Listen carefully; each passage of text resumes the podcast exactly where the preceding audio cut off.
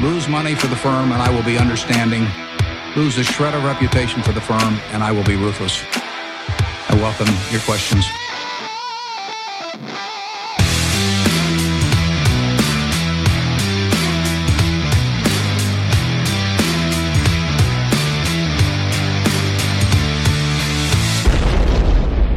Välkomna till Kvalitetsaktiepodden. Det är jag som är Ola. Ja, och det är jag som är Klas. Eh, Det här är avsnitt nummer 20.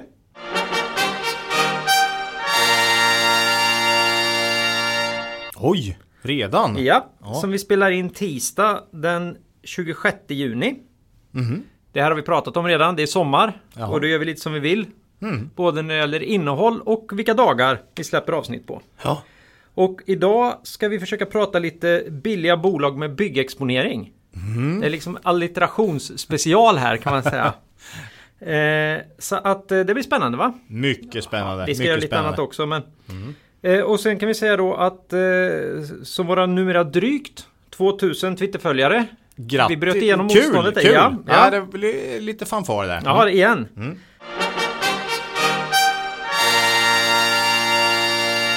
Så som de redan har sett då så blev ju min PE på min Vätternrundan investering där Den vart ju rejält negativ Jaha. Aj, aj, aj. Aj, ja. Så jag kan väl säga nu att enda chansen att få se mig cykla runt där igen Det skulle vara för någon slags välgörande ändamål eller något sånt Så att jag känner att det finns ett högre syfte Ja. med det där mer än att bara betala pengar för att göra sig själv illa. Eh, andra som var bättre förberedda hade en bättre runda har jag förstått. Ja, så var det med det. Och sen så snurrar jag ju till det då. Jag får väl skylla, skylla på det att jag, jag var så uppspelt på något sätt. Eh, jag pratade om Amazon. Och eh, egentligen snurrar vi inte till så mycket men jag nämnde kort att de hade lite över fyra både i sånt här PEG-tal och eh, PS-tal. Och eh, sa ingenting om vad, vad är rimligt då. Nej. Och eh, ett. Är ju hyggligt rimligt på PEG liksom, brukar man säga. Ja och, och kanske också lite på PS skulle ja. jag vilja säga också ja. då. Ja. Så att, eh, och då kan vi säga så här att det här kommer vi prata lite mer om. När eh, vi ska ta upp lite nyckeltal då under ett frågeavsnitt som kommer 19 juli. Ja, vårat, vårat sommaravsnitt och, eller Mm. det är ju sommaravsnitt det här med, men, men liksom semesteravsnittet. där. Semesteravsnittet. Ja. Eh, sen så tänkte vi väl en liten makrospaning här då. Eh, det är ju EUs halvnya roamingregler. Det är ju underbart. Kan. Ja. man ligga, ligga på stranden Ja, och vi och var ju, som helst inom EU och eh, följa börsen. Precis. Och eh, ta med sig tv-abonnemanget till eh, huset i Spanien eller vad det nu är. Ja, och det är ju kanon för då har ju familjen något att göra när du tittar på börsen Ola. ja, lite så. Lite så. Ja, Ja, ja så det blir, det blir full, full coverage där. absolut. Eh, men det, det kanske inte är, så mycket lönt att hålla på och titta på börsen på sommaren. Vi har ju gått in i en riktig Ja. tradig sommarbörs här Ja, Ola. men så är det och det, det är ju likadant varje år eh, att framförallt de små bolagen tappar jättemycket volym i Mm. orderböckerna. Det är liksom det är tomt eh, och köparna känner ju sällan något driv att köpa för de är ju inte ens där. Eh, Men de som måste sälja av en anledning. De måste ju sälja även om det är den 15 juli va. Mm. Men då hittar de inga köpare och så kan vissa småbolag, småbolag gå ner ganska rejält faktiskt under sommarmånaderna. Och ja, det är vind för våg ofta utan nyheter. Eh, så att inga nyheter för upp kurserna till sina rätta nivåer. Som de sett. Så att man kan faktiskt fynda ganska rejält på sommarbörsen tycker jag. Eh, ibland. Mm. Men det är ju svårt att komma över jättestora volymer då såklart. I och med att det är just små volymer. Så att, men visst. Eh, om man inte har så stor portfölj kan det ju vara riktig guldgruva framförallt. Så ett litet budskap här är ju när man får fullständig skräck över snabba kursrörelser då, främst neråt, så kan det vara lite, lite vits att titta på vilka handelsvolymer har det varit. Ja, det är ju bra grej. Och kombineras det här också med lite makroro under sommarmånaderna så kan det bli ganska rejält i många småbolag om det är några som får panik och köparna är och ligger i solstolen i, eh, på, ja, i Spanien eller Ja. vad det nu är. Sitter och streamar. De- Ja, eh, fotbolls-VM liksom. Ja. Mm. ja. Så det är ju perfekt. Mm. Ja, nej men så det kan man tänka på. Mm. Ja, och innan vi går vidare här då med lite mera eh, bolagsinslag så vill vi påminna våra lyssnare om att aktieinvesteringar alltid innebär ett stort risktagande. Aktier kan både gå upp och ner i värde. Satsa därför aldrig kapital på aktier som du inte är beredd att förlora. Och av transparensskäl berättar vi också om eventuellt eget ägande i bolagen vi pratar om i avsnittet. Detta ska inte betraktas som en köp eller säljrekommendation. Gör alltid din egen analys av läget i bolagen innan eventuell handel.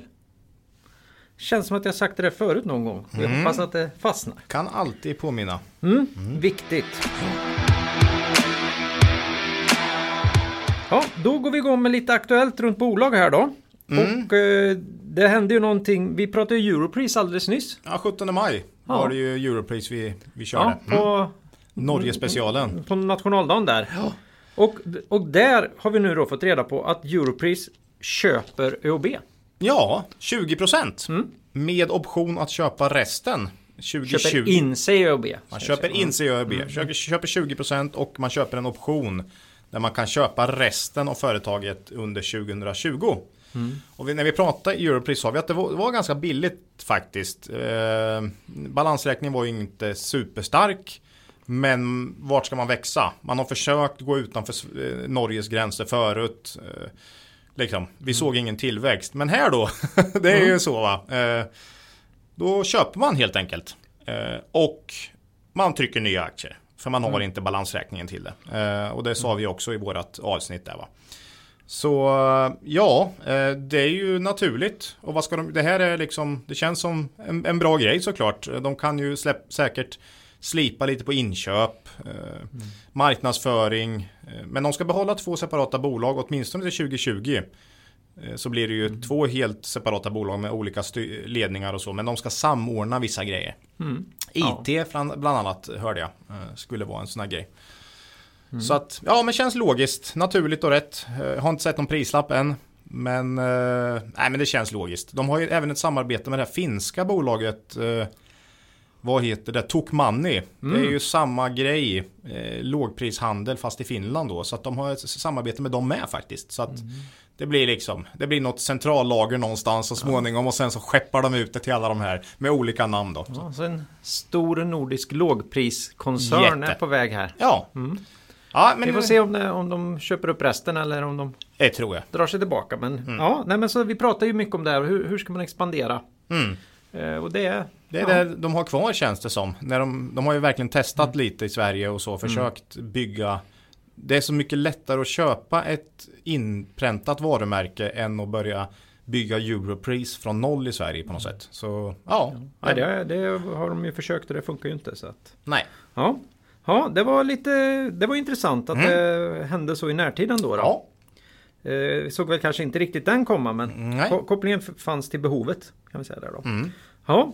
Eh, vidare där så hade du tänkt säga något lite kort om Lammhults. Ja, vi också Vd-byte. Ja, vd-byte. Fredrik Asplund lämnar där efter tre år och eh, ny vd då Sofia Svensson kommer in. Det känns ju bra. Lammhults och Svensson. Det är, det är svenskt där så, så det skriker om det. Och Eh, tragiskt nog får man ju vara glad varje gång det kommer in en kvinna som börs-VD också. Så, så är det. Så är det. snart ska vi inte behöva tänka på det men ja, man tänker så nu. Det som man kan få en att bli lite eh, fundersam i just det här fallet är ju att hon har varit finanschef i Midway förut och det är ju ett av de här riktiga sorgebarnen. aj, aj. Eh, Ja. Hon har i och för sig suttit i Lammhults styrelse nu i ett år då. Så de har väl ändå känt lite på henne menar jag. Men ändå, det är ju hennes Hon har ju också vettet att lämna Midway. Hon har vettet att lämna. det, det måste ju vara på pluskontot då. Det är ju på pluskontot. Så att, Ja. nej, det är jättesvårt att säga. Men det, det, och det känns aldrig bra när en liksom, vd lämnar efter tre år ganska abrupt sådär. Det, så man funderar på lite blir Q2 svag här och sådär. Och sen blir det säkert något avgångsvederlag. Har man varit vd i tre år så Mm. Har du säkert något. eh, Så det kommer säkert belasta Q2 eller Q3 då. Ja. Men det, Ja, så där Får vi hände, hände det något i Lammhults. Mhm. Ja, sen hade jag en liten eh, specialare här och det här får gå in kraftigt under kul på jobbet.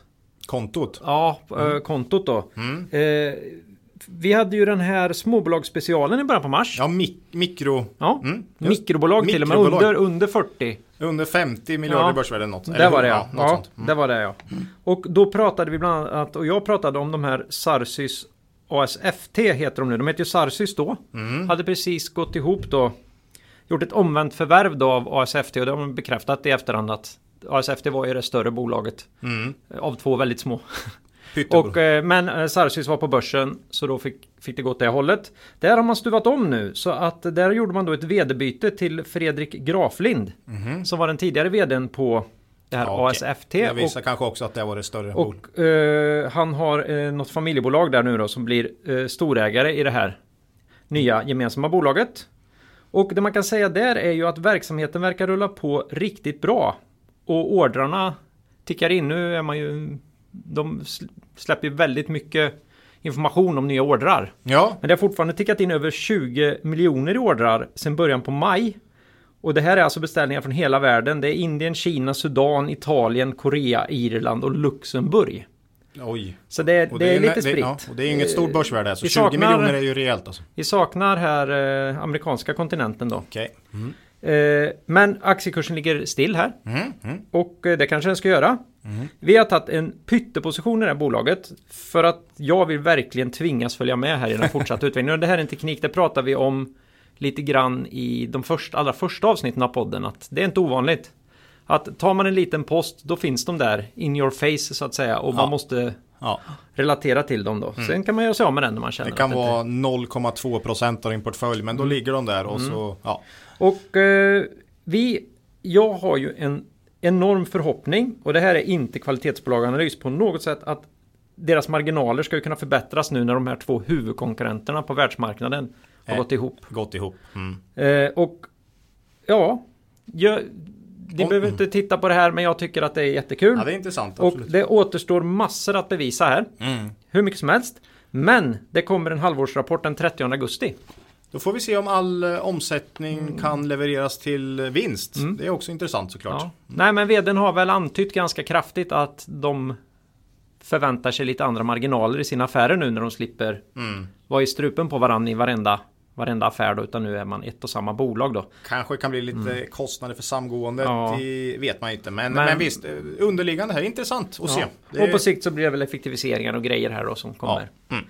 Väga upp det här då. Så Intressant. Mm. att, eh, ja, Sarsys, ASFT, eh, intressant eh, uppföljning på det lite, bolaget. lite spännande pyttebolag. Mm.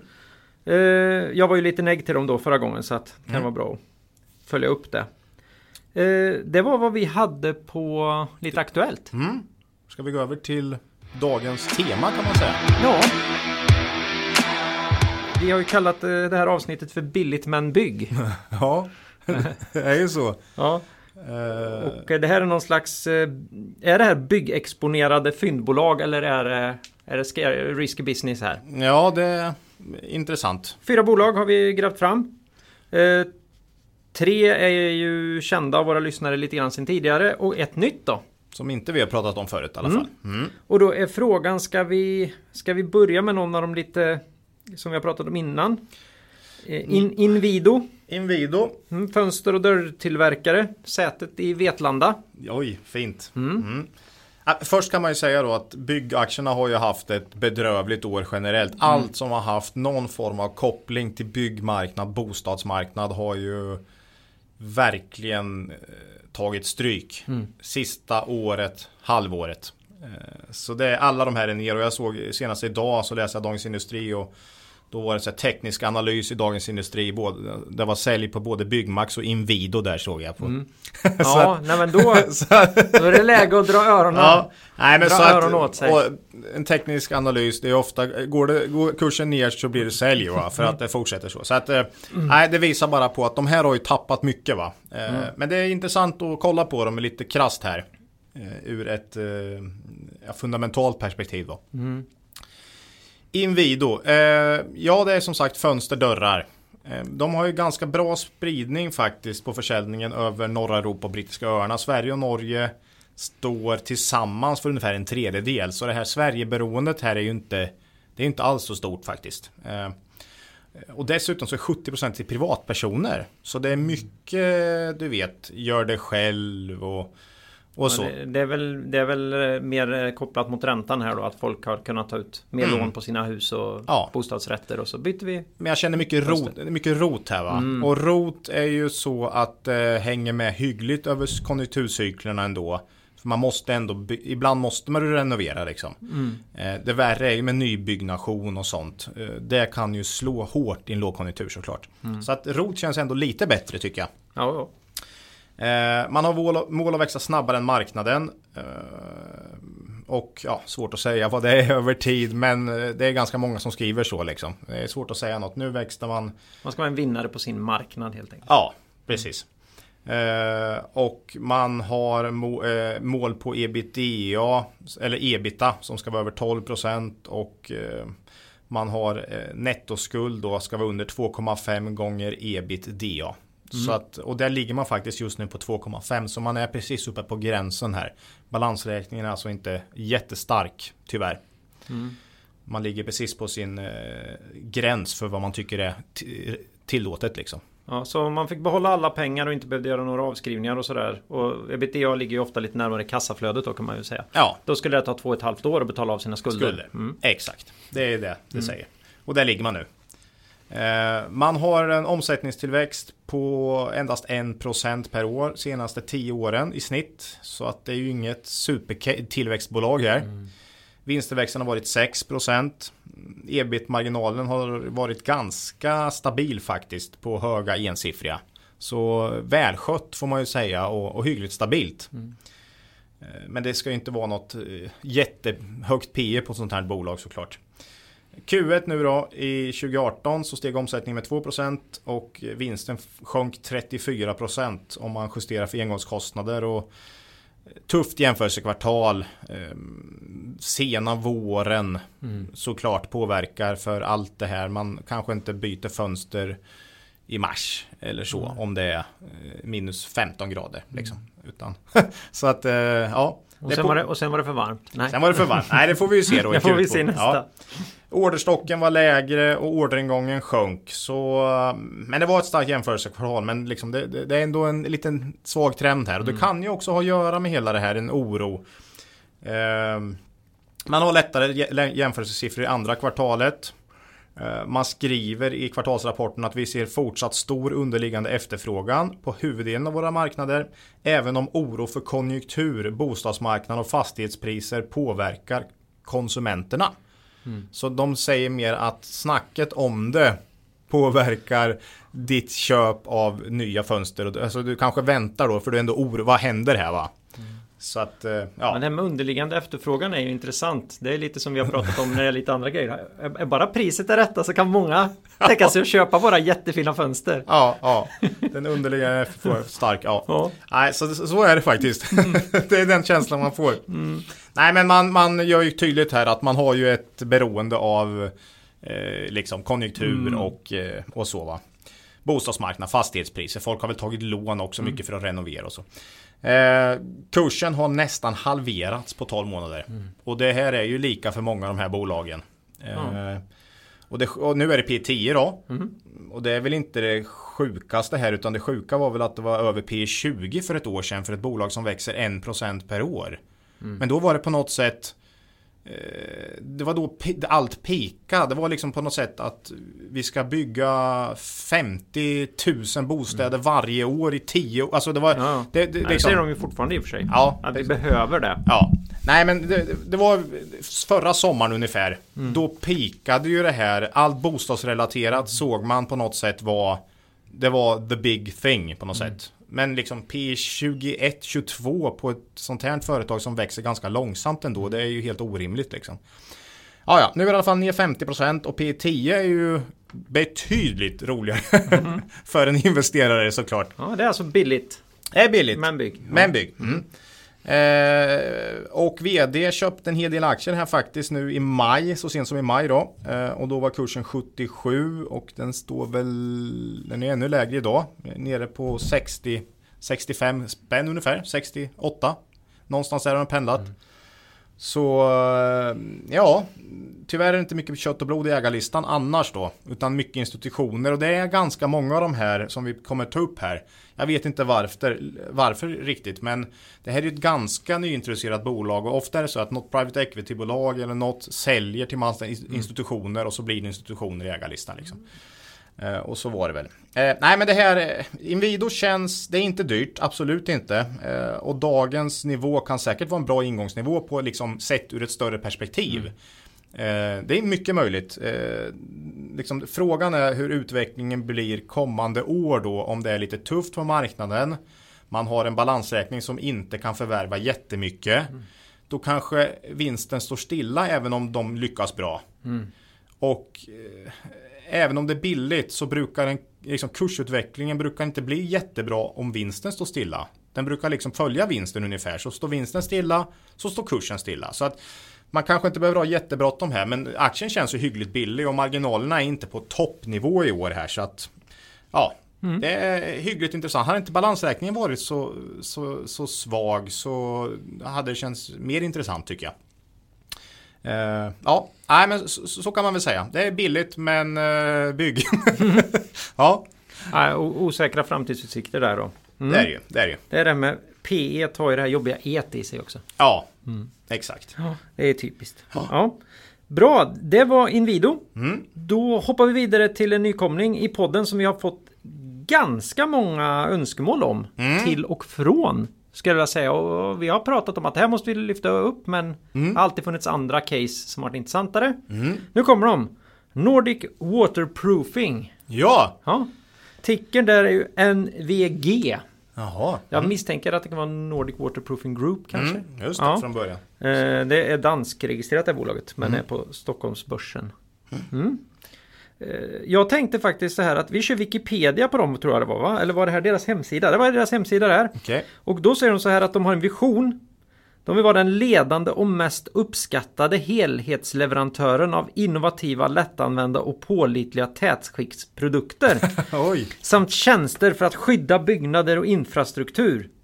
Mm. Och vill man hälsa på dem tror man får åka till Helsingborg. Mm. Ja. Så det är Nordic Waterproofing om man får tro dem själva. Ja. Eh för mig det, ligger det ganska nära Inwido i känsla på något sätt. De har noterat senaste åren här och eh, mycket institutionellt ägande i ägarlistan och det är byggrelaterat. Eh, så ganska många likheter faktiskt. Mm. Men om vi går igenom då Nordic Waterproofing så noterades de för, för två år sedan ganska exakt. Mm. På 71 spänn. Nu står den i 83. Mm. Eh, aktien var dock uppe och vände och toppade på ungefär 105 spänn då förra sommaren när jag sa att byggaktier var the big thing liksom. Mm. Så att eh, den har tappat precis som allt annat byggrelaterat här sista året. Mm. Och det är ju Man har ju läst Det är mycket handlar om media också som drar Men bostadsmarknaden har ju fallit Och många av de här Bostadsutvecklarna Har det haft det tufft och Får de det tufft så kanske de, om det inte säljs några bostäder så blir det inte efterfrågan på produkter och så. så att, eh, här har man lite bättre tillväxt faktiskt, men jag har bara fem år här för de har inte funnits lika länge som Inwido så jag har inte statistik på så mycket. Så att jag har fem år och då har de vuxit med 6% per år. Säger inte så mycket på fem år heller och ganska bra år liksom eh, konjunkturmässigt. Ebit har ökat med 12% per år och det är ju mm. starkt. Det är ju bra. Ehm, betydligt högre tillväxt förra året och inledningen i år men det är väldigt mycket förvärv. I Q1 steg omsättningen med 25% men det var bara 1% organiskt så det är ju mycket förvärv nu. Mm. Och det är väl något, det har man ju som en strategi då. Och man har faktiskt bättre balansräkning än Inwido. Så här kan man nog fortsätta förvärva ett tag till känns det som. Eh, faktiskt. Eh, men 2017 och nu inledningen 2018 så har ebit-marginalen sjunkit. Eh, och det är inte så ovanligt tycker jag när man börjar göra eh, liksom många förvärv. Att det tar ett tag att få ihop det hela. Liksom. Och jag vet inte om det bara beror på det. Men det kan vara så att alla de nya förvärven gör att marginalerna har sackat lite då. Mm. Ja, det kan ju bero dels på vad man har betalt från. Mm. Och dels hur, hur väl det passar in. Mm. Och och vilka marginaler det finns i den mm. förvärvade mm. verksamheten då. Mm. Eh, kan ju vara mycket sämre. Ja, man kan ju köpa sig väldigt fin marginal ibland. Ja, eller dålig. Mm. Så att, eh, det kan ju vara åt båda håll. Eh, I Q1 här nu så skrev man att den här sena våren påverkade negativt. Det skrev ju alla byggrelaterade bolag skulle jag säga. Och även andra bolag också. Och så visst, så var det ju. Mars var ju smällkallt liksom. Finland är störst här. Mm. Det kan man inte tro kanske, men så ja, är det. Ja, men det har nog att göra med hur de blev till en gång i tiden tror jag. Ja, och de har köpt också. Ja. De har köpt något finskt ganska stort vet jag. Så mm. att eh, det, det har nog lite olika. Jag tror olika. man var en sammanslagning av mm. något finskt och något svenskt. Då. Vet inte faktiskt ja. riktigt. Men, ja, det eh, började redan som en sammanslagning när det kom till ja, i alla fall. Men nu är det i alla fall över 50% av de anställda i Finland. Mm. Sverige är bara typ 20% eller något. Eh, Danmark 15-20 och sen har du Norge, Polen, Tyskland och UK eh, som övriga då. Så mycket Finland. Eh, jag har läst att nybyggnation kanske står av hälften här för omsättningen.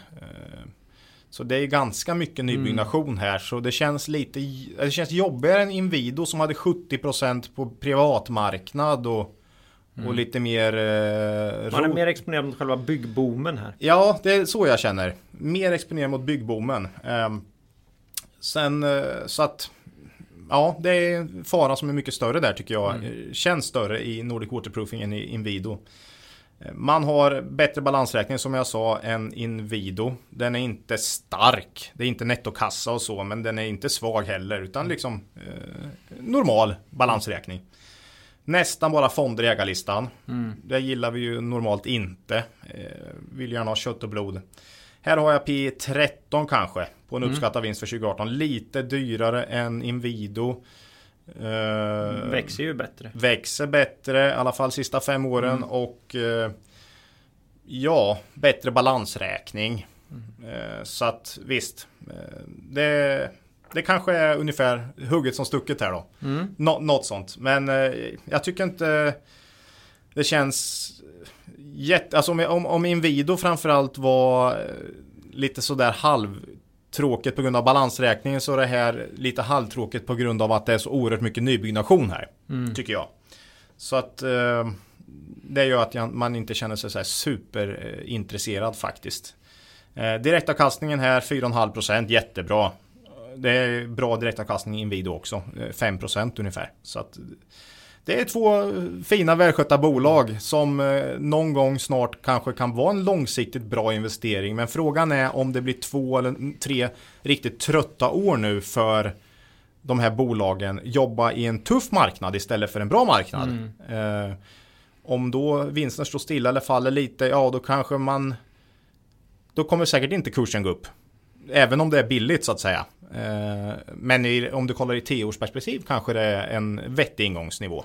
Men mm. frågan är om man ska köpa nu då. Eller om man ska vänta med att köpa. Och jag, det känns ofta bättre att, att vänta lite och se vart marknaden tar vägen tycker jag. Ja, vi har ju ingen margin of safety här Nej, ingen brådska där egentligen. Nej. På lång sikt tycker jag det kan se vettigt ut. Men på något års sikt så, där så är det väldigt svårt att säga vart det tar vägen tycker jag. Ja, nej men det är väl så. Här, här kan väl marknaden då. De har ju varit lite poppis. Marknaden kanske känner sig sviken här. Mm. Lite snart. Mm. Kommer med någon liten dålig rapport då kan ju reaktionen bli våldsam då. Ja. Och både mm. Inwido och eh, Nordic Waterproofing har ju haft kvartalsrapporter nu sista året som har visat på en svagare trend. Mm. Helt klart. Så att eh, det syns redan, någonting syns här redan i deras redovisning. Mm. För Nordic Waterproofing framförallt då eh, marginalerna, för man har ju förvärvat mycket omsättning då. Ja, ja. vi får se. Ja, eh, nytt, billigt, nytt men, bolag. billigt men bygg. Mm. Mm. Nytt bolag i, i podden mm. och Kul. I, i våra sinnen. Mm. Eh, det känns ju som ett väldigt ja, trevligt eh, bolag alla de här bolagen kommer, kommer jag garanterat följa för det är, det är vettiga bolag mm. som gör bra vinster liksom, över mm. tid. Mm. Ja, en eh, annan gammal bekanting då. Eh, då går vi till nu. Svedbergs tidlösa badrumsinredningar. Just det, billigt men bygg? Frågetecken. Mm. Ja. Får se. Eh, här är det faktiskt också så att den mesta omsättningen är rotrelaterad. Mm. Eh, det vill säga mindre andel nybyggnation här. Och det, det har ju jag en sån känsla för att det ska vara lite bättre över liksom cyklerna. Va? Här är dock Sverige 70 procent. Mm. Så här står det ju lite och faller med den svenska eh, konsumenten. Mm. eh, Norge är man i också, Finland till viss del. Eh, ny vd i höstas, Sofia Axelsson. Också en tjej. Mm. Så kul med tjejer in i byggrelaterat här. Bra. Ja. Eh, här har man också låg tillväxt som de andra. 2% omsättningstillväxt per år i snitt då. Senaste 10 åren. Eh, vinsten har till och med tappat per år senaste tio åren. Minus 5% per år i snitt i vinsttillväxt. Oj. Så marginalerna har ju gått ner ganska ja. rejält. Eh, faktiskt. Eh, och ja, det kan ju finnas många anledningar till det. Men prispress förmodligen och fler konkurrenter. och Ja, man kanske inte kan hålla upp, alltså Svedbergs har ju haft ett namn. Kan det inte vara en seg segmentsförskjutning här om man gått från att premiummärke till ett märke i mängden, mängden. helt enkelt? Jag tror det. Enkelt. Det är min, det tror jag med. Mm. Precis den. Svedbergs var top of the line, mm. kunde ta ut lite extra och nu är man eh, något i bruset liksom. Mm. Det, det, det, är väl en, en så här hobbyanalys. Ja, ja den Mm. Ja, den måste nästan vara så. Eller så har man blivit fruktansvärt dålig plötsligt på att tillverka nej, de här grejerna nej, eller förhandla ner. Nej, men de hade över 20% mm. rörelsemarginal. Mm. Det, det höll alltså lite som mm. H&M's eh, från 20 till 10 i marginal mm. liksom. Mm. Det, ja. Det gör ont. Eh, men ett fint bolag. Balansräkningen försämrades dock markant i slutet på 2016 då man förvärvade Micro eh, Macro Design. Mm. Eh, och eh, ganska stort förvärv och eh, under 2017 så ökade faktiskt vinsten bara från, från 2,11 till 2,20. Så det var ju liksom inte jättestor nej, vinstökning nej. trots att balansräkningen urholkades totalt då. Omsättningen drog med 40% men vinsten stod nästan stilla. Så det går tillbaks hit lite. Att stora förvärv väldigt farligt. Kan vara väldigt farligt. Mm. Eh, och så var det här då. Eh, och i Q1 nu 2018 så stod omsättning och vinst stilla. Eh, så följer den långa trenden kan man säga. Väldigt bra insynshandel i det här bolaget med. Det gäller alla de här faktiskt. Mm. Så de som driver bolaget är positiva. Mm. Det kan ju också vara så här man ser att aktien i det egna bolaget gått ner 50% mm. så säger man att jag köper. Det är inte, kanske inte behöver vara så svår analys bakom det där mm, ibland. Men, men väldigt mycket insiderhandel här och nya vd här, Sofia, har köpt en hel del faktiskt har jag sett. Mm. Eh, jag tror att man ska kunna hålla vinsten under 2018 eh, ungefär och då blir det P13 som, eh, som Nordic Waterproofing. Här har man 7% direktavkastning. Så du har ju, Oj. Ja, du har ju det är fem, mellan 5 och 7% direktavkastning i de här bolagen som vi pratar om. Så att det är också ett tecken på att de har gått ner väldigt mycket. Eh, och mm. inte är så appreciated liksom. Ja, och man försöker samtidigt eh, försvara sin utdelning här då. Ja, mm. och då är frågan ska de behöva sänka den här eller inte? Om de inte behöver sänka den då är det ju klart jäkligt bra att ha ett bolag som delar ut 5 till mellan 5 och 8 procent liksom. Mm. Så vi får se. Ja, på de här nivåerna, prisnivåerna. På de här prisnivåerna. Mm. Aktien känns inte jättespännande tycker inte jag. I och med att det är så oerhört låg tillväxt här och står och stampar. Så ja, P13 på något som inte växer. Det är liksom, vad ska hända? Jag jättesvårt att se någon, något driv där faktiskt. Mm. Eh, så den blir nog nästan den minst intressanta av dagens fyra bygg. Billigt men bygg. Mm. Bolag. Ja. ja. Jag börjar fundera på om inte de är utsatta för nästan två olika sorters kanalglidning. Dels, dels den här digitala mm. eh, kanalglidningen där folk är ute och, och man går till eh, stor, storbutiken, Bauhaus och de här och mm. tittar på grejerna. Och redan där är det ju en annan form av marginaler. Ja. Men så får de inte ens sälja det där utan då sitter man då och beställer hem det här. På nätet. För det är rätt skrymmande va? Det är rätt smidigt att få det här hem, mm. hemlevererat då. Eh, Visst är det det. och det är badrum här först. Mm. Liksom, det är det som är huvudfokus här. Så att, mm. ja. Och förr kanske man sålde mycket mer via hantverkare och så här. Ja. Eller man, åk, andra... man åkte till Svedbergs ja. och koncept mer liksom, mm. som man satte ihop. Ja. Så att, eh, Nej, de har det nog lite halvtufft. Men fortfarande 10% rörelsemarginal. Ja. Så det är vettigt liksom. Eh, förr i tiden var det en sån här utdelningsaktie. Eller det är det väl fortfarande då, mm. i och med mm. att det är 7%. Det är lite synd att de har försämrat balansräkningen då. då. För det var en grej förr i tiden tyckte jag med Svedbergs. Att de hade bra direktavkastning, delade ut hela vinsten och hade en stark kassa. Mm. För då känner man ju att ja, den är hyggligt trygg liksom. Mm. Men, Men den, har man... den har man gjort sig av med så att säga. Ja, mm. Grävt en rejäl grop i. Ja. ja.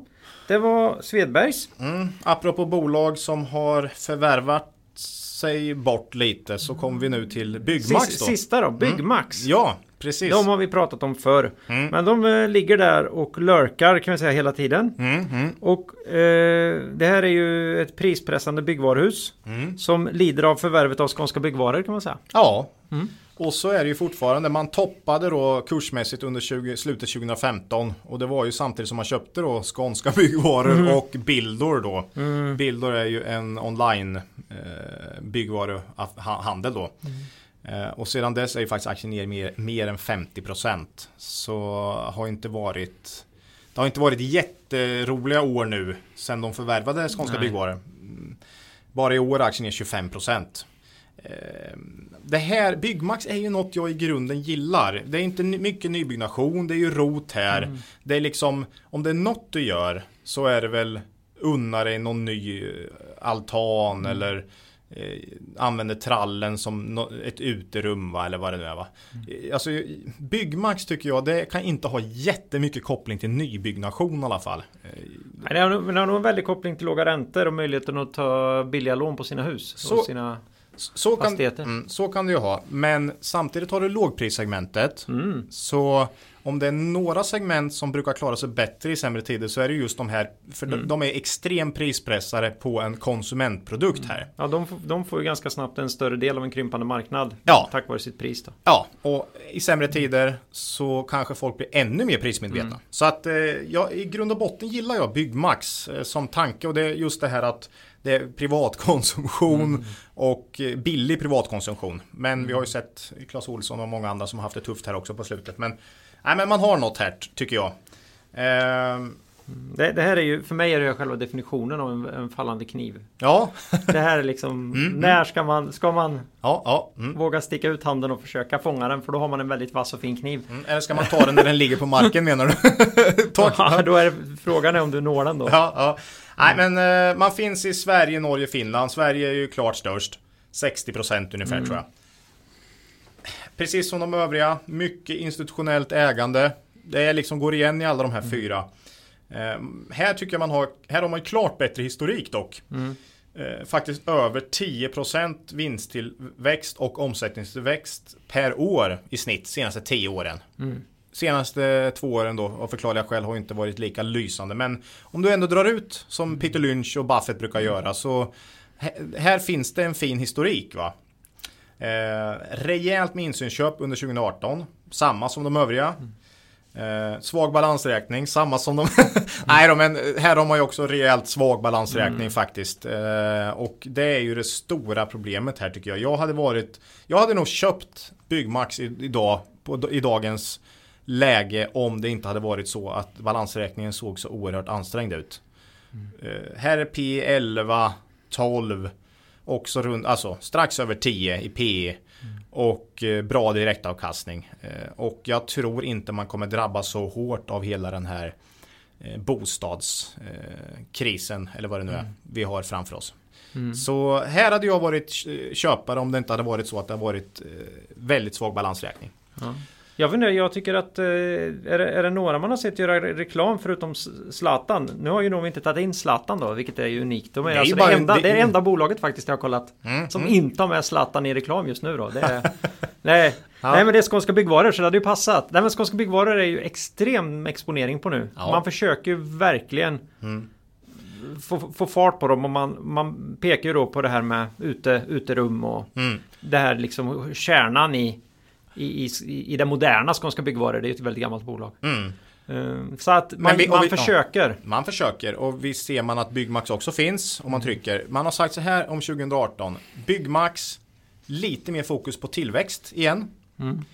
Skånska byggvaror, omstrukturering, få upp mark- lönsamhet. Så att så är det. Men Byggmax har inte heller drivit på så mycket sista året, åren.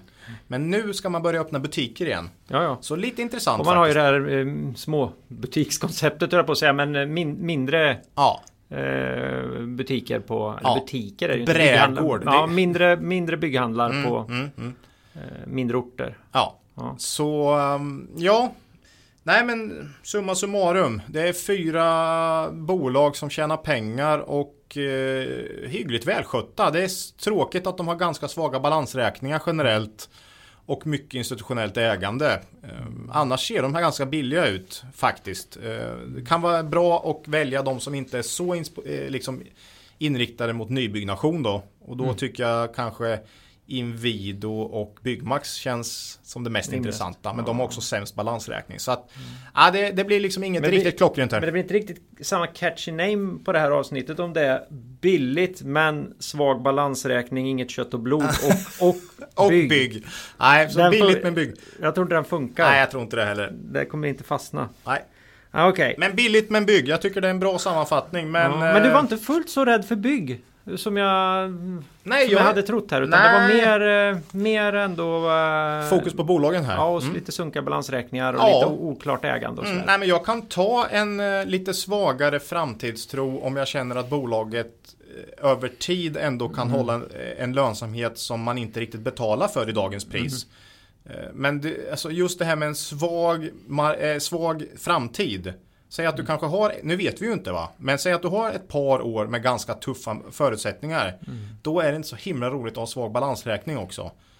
Nej. För alltså, det är ju själva grunden till att överleva och klara sig i tuffare tider är ju att ha en finansiell styrka. Sparat liksom. lite i ladorna. Ja, Nej, att- bankerna lär inte vara så väldigt snälla mot dig kan jag säga. nej, inte då i alla fall. Så Nej, länge det precis. går bra så är det ju lugnt va. Men, Ba- bankerna finns ju typ aldrig där när man behöver dem brukar man ju säga. Så att, precis. kan man tänka på. Ja. Eh, så är det. Mm. Ja, Nej men det blir... Det var den. Det var den. ja, Hoppas det gav något. ja. Mm. Det gav säkert något till någon. Ja. Eh, då tänkte vi ta en liten eh, revision, halvårsrevision av eh, våran buy and hold.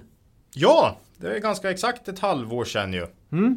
Eh, 12... Skulle Nej. kört för en vecka sedan hade säkert eh, värderingarna varit mycket bättre här men Ja, nej för mycket har ju tappat nu sista tiden här. Småbolagen har ju i sommarbörsen här tappat ganska rejält. Mm. Men eh, 14 december har jag som startdatum på den här. Det var då vi tog upp en buy and hold portfölj i, våra, vår, i kvalitetsaktiepodden. Mm.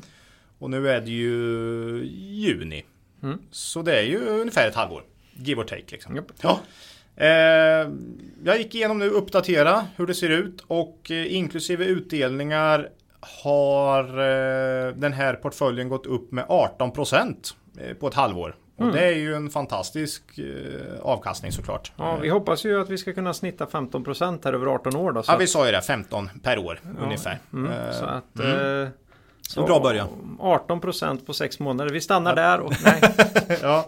ja, det är ju 36% på helåret då. Ja, om det säga. håller sig. Om det håller sig. Jo. Men det vet man ju inte. Eh, jämförsindex tog jag 630 return. Mm. Eh, och då är det ju alltså de 30 största bolagen inklusive utdelningar. Eh, jättesvårt. Men jag, jag ville ha något som ändå hade utdelningar med då. För jag räknar med utdelningar. Och det har gått minus 1,2% sedan den 14 december. Så att det är ju nästan 20% bättre på ett halvår än börsen då kan man Mm. säga. Så det är ju extremt bra. Och här är det många aktier som gått riktigt bra faktiskt. IOR System är ju upp eh, Mm. 60% någonting. Bahnhof över 50%. Nederman 40. BTS eh, 30 kanske. Acando eh, 20 ungefär. Mm. Så eh, fem bolag över 20% på eh, sex månader. Det är Mm. ju väldigt bra. Ja. Eh, Så hälften har gått över 20%. Bara egentligen två som har gått riktigt svagt. Det är Systemair minus 24% och AQ minus 15%. Mm. Eh, Sen Fenix, Swedol och Proact har gått okej. sådär. Mellan 0 och 10. 10% ungefär. Mm. Sådär. Ja. Eh, ja, nej men det är väl jättekul att eh, ha fått en bra start på den här buy and hold portföljen och buy and hold är ju en sån här strategi som vi verkligen förordar eh, över tid. Så Mm.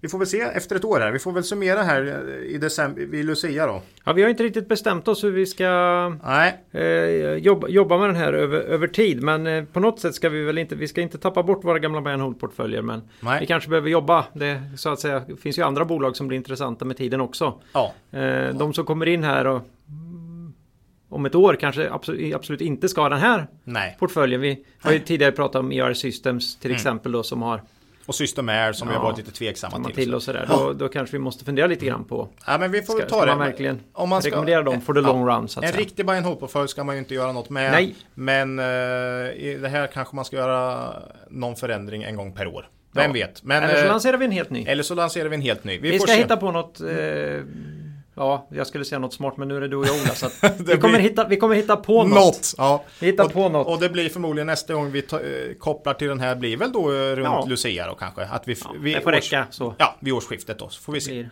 Men ni hittar vår buy and hold portfölj eh, på... Ja, vi har inte Facebook, lagt ut den på den finns på Facebook. Ja, ja. Eh, Om man scrollar upp till, Ja. till den tiden så att säga det begav sig. Det är ju juletid så det är väl lämpligt. Det var vi tyckte då var liksom intressanta bolag.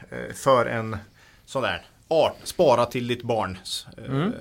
Ja, Nyfödd. nyfödd till eh, studenten. Mm. Så det var, det var den. Ja, men det har ju, det får jag ändå säga att det har börjat hyggligt. Då. Väldigt bra. Mm, mm. Jättebra såklart. Ja, Mm. det var den. Mm. Så är det dags för citatet Ola. Vad är det idag då för... Jag vet inte, det kan vara en ny bekantskap. Eh, eh, investeraren Joel, eh, värdeinvesteraren definitivt, Joel Greenblatt. Mhm.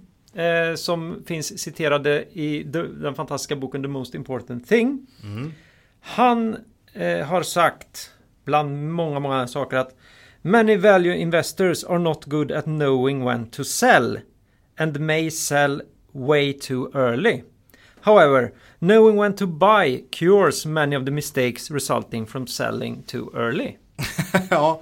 ja, jag kan skriva under på mycket av den där eh, faktiskt. Det är konstigt att vi så ofta gillar de här Ja. citaten Ola. Det, skulle, det verkar som att... Nej, jag har ofta problem med att sälja för tidigt. Men det är ju det, alltså värdeinvesteraren räknar hela tiden på, Bolaget. ja, på bolaget och vad man tycker det är värt. Och har man hittat en bra investering som drar iväg mycket så är det förmodligen ofta så att man kommer fram till tidigare än de flesta andra att det inte är billigt längre på något sätt. Eh, och då säljer man och sen fortsätter det här drivet upp i kursen långt efter man har, har sålt då. Men det är ju... Alltså, Men ni- intressanta är att man ofta också har kommit på att den var köpvärd före Mm. de flesta. Så att just det här, Man har lyckats tjäna en del pengar i början. ja.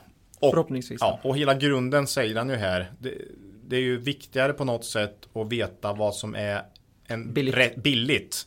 För köper du aktier som inte är billiga från början, då blir det ofta inte bra i slutändan. Men om det, ditt enda problem är att du säljer för tidigt, då har du ju ofta en, en du har köpt rätt aktie från början ändå va. Eh, Så att, eh, ja, jag kan skriva under Ja, på men den de här är ju relativa alltså. Det är väl två saker. här. Dels, dels det här med att börsen är ju då mono. Mm. Depressiv. Mm. Eh, brukar vi ju By, säga. byggrelaterat förra sommaren, Ja. P22, nu 10 då. Mm. Liksom det, Kan säkert gå mer, mer, Kan mer ännu mer, liksom, ja, ja. Inga, att, inga konstigheter. Ja. Och, då, och då är det väl så att det vi försöker vara duktiga på är väl att hitta bolag där börsen är deppig. mm, Eh, det är ju jättesvårt för oss att göra pengar på motsatsen skulle nästan vara att ligga upp och blanka då när, mm, när börsen är manisk. mm, mm. Så att säga. Och den, den, eh, den rackaren har många fallgropar i sig kan man lugnt säga.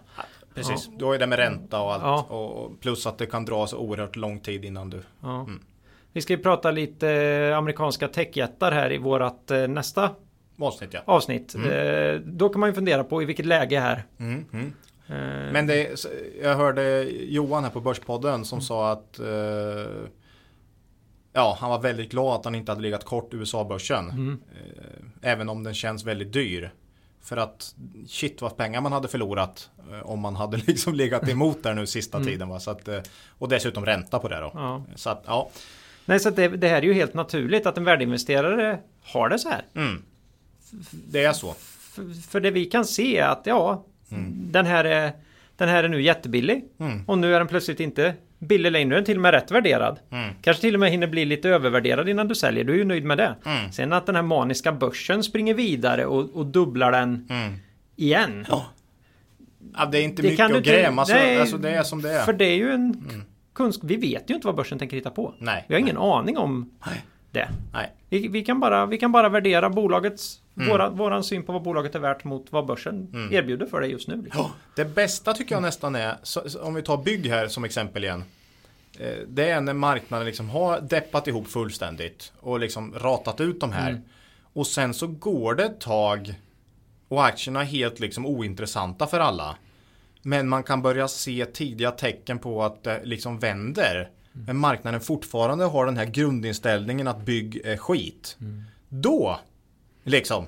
Där är vi kanske inte än. Man, men men när man, då kan det vara fantastiskt bra och du, du har inte så stor risk för du ser ändå att det har börjat liksom bottna ur eller eh, du, du ser tecken på att resultatet håller på att lyfta i bolagen. Men värderingen har inte alls hunnit med än. Mm. Där har du ju ofta bra investeringar.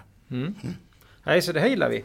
Att, att deppar ihop fullständigt. Så är det. Men jag tycker inte man är tillräckligt depp än. Jag tror man kan bli bra mycket mer deppig. Nej, på, tror jag. Man kan alltid bli mer deppig. Ja. Och alltid mer och sen, här, och sen här associerad depp också då. Bo, bolag som kanske inte har jättemycket med den här Nej, nedgången den göra, men som dras bra. med. Den Ja, är ja, ännu bättre. De kanske aldrig ens går dåligt. Nej, nej. Och det här med bolag som byter namn i eurofritider för att få ett namn som är kopplat till något. Du menar Som de är så- krypto, bitcoin eller cryptocurrency och grejer. Och, nej, Och men det det var ju funkar. likadant IT-bubblan. Folk la ju till IT i bolagsnamnet 99, 98, 99 liksom. Alltså, eller data. Mm. Eh, bara för att liksom komma i en annan investerar eh, Ett annat fack. ett annat fack va. Mm. Så att ja, nej, det finns mycket. Ja, vill ju gärna få vara med va? Mm, Bli bjuden på festen. exakt. Ja. Eh, det var vad vi, vi hade idag kan man säga. Mm. Eh, vi tar ju nu då ett sommaruppehåll. Mm. Och eh, vi är ju sådana rackare så vi kommer egentligen inte tillbaka förrän torsdag den 9 augusti. Oj. Så det här eh, blir kämpigt. Mm. Så för att på något sätt kompensera för det här laziness här så tänker vi göra ett litet speciellt frågeavsnitt här. Inom en väldigt snar framtid så kommer sändas den 19 juli. Mm, mitt i sommaren här då. Mitt i sommaren. Får man höra våra röster. Annars kan man ju gå tillbaks och lyssna på gamla avsnitt. Ja, eller så kan vi bara skita, Skita i och det. lyssna Och på oss läsa- helt och hållet. läsa och, Peter och, Lynch och, istället. Ja. Mm. och, och må bra. Eller kanske precis läsa Peter Lynch. Lynch. Det kan man alltid göra igen. Det kan man alltid göra. Ja. Så det får ni inte missa då. Och mejla oss gärna på kvalitetsaktiepodden.gmail.com eller kom in till oss på Twitter eller Facebook. Mm. Så är det. Vi tycker om era frågor och funderingar. Och... All, allt är bra. Mm. Oavsett vad det rör och oavsett om ni eh, gillar eller inte. Och sådär. Mm. Allt är intressant. Så är det. Mm. Eh, och då är det ju eh, frågan här på slutet då. Någon, någon makro värd att ta upp Ola? Nej. Nej. Någon teknisk analys då? Nej men du har säkert något. Jo, det är, jag har ju faktiskt det. Det är ju så både bromsen och själva transmissionssystemet då på min cykel beter sig illa rent tekniskt nu efter Vätternrundan. Ja, kan jag säga. kan, jag förstå. Ja, nu är det tyvärr så att min lokala cykelreparatör inte är på börsen. Åh, Men om han vore det så jag säga att det vore köpläge. vilken lynchbaning det hade varit. Ja, Mm. jag kan säga att omsättningen lär gå upp inom kort. Så, ja. det var den. Har vi något eget ägande då Ola? Nej, ja, du nämnde ju Sarsius Japp, lite. Eh, har vi, Sarsys ASFT. Och sen, ja, det var väl egentligen det vi nämnde. Det var ju det bolaget vi pratade om. Sen var det buy and hold portfölj, men då sa vi Ja. egentligen inget. Vi bara radade upp lite namn där. Så Där det, radar vi upp lite namn. ja. Eh, så det är nog inget... Sarsius får vi väl säga då. Ja. Och pyttelite ägande också, så det är inte mycket. Nej, nej, nej, nej, nej. Det är en sån... För, för att få dem lite i ansiktet. Mm. Eh, Tån i vattnet. Ja, så är det. Eh, så då vill vi önska våra trogna lyssnare en riktigt skön semester. Ja, Kanske med en skarp fogsvans från Byggmax i handen. kanske det. För något litet byggprojekt. Ja. Det vet man inte. Nej. Så då säger vi hej då för den här gången och kom ihåg. Det är först när tidvattnet drar sig tillbaka som du får se vem som badat naken. Lose money for the firm, and I will be understanding. Lose a shred of reputation for the firm, and I will be ruthless. I welcome your questions.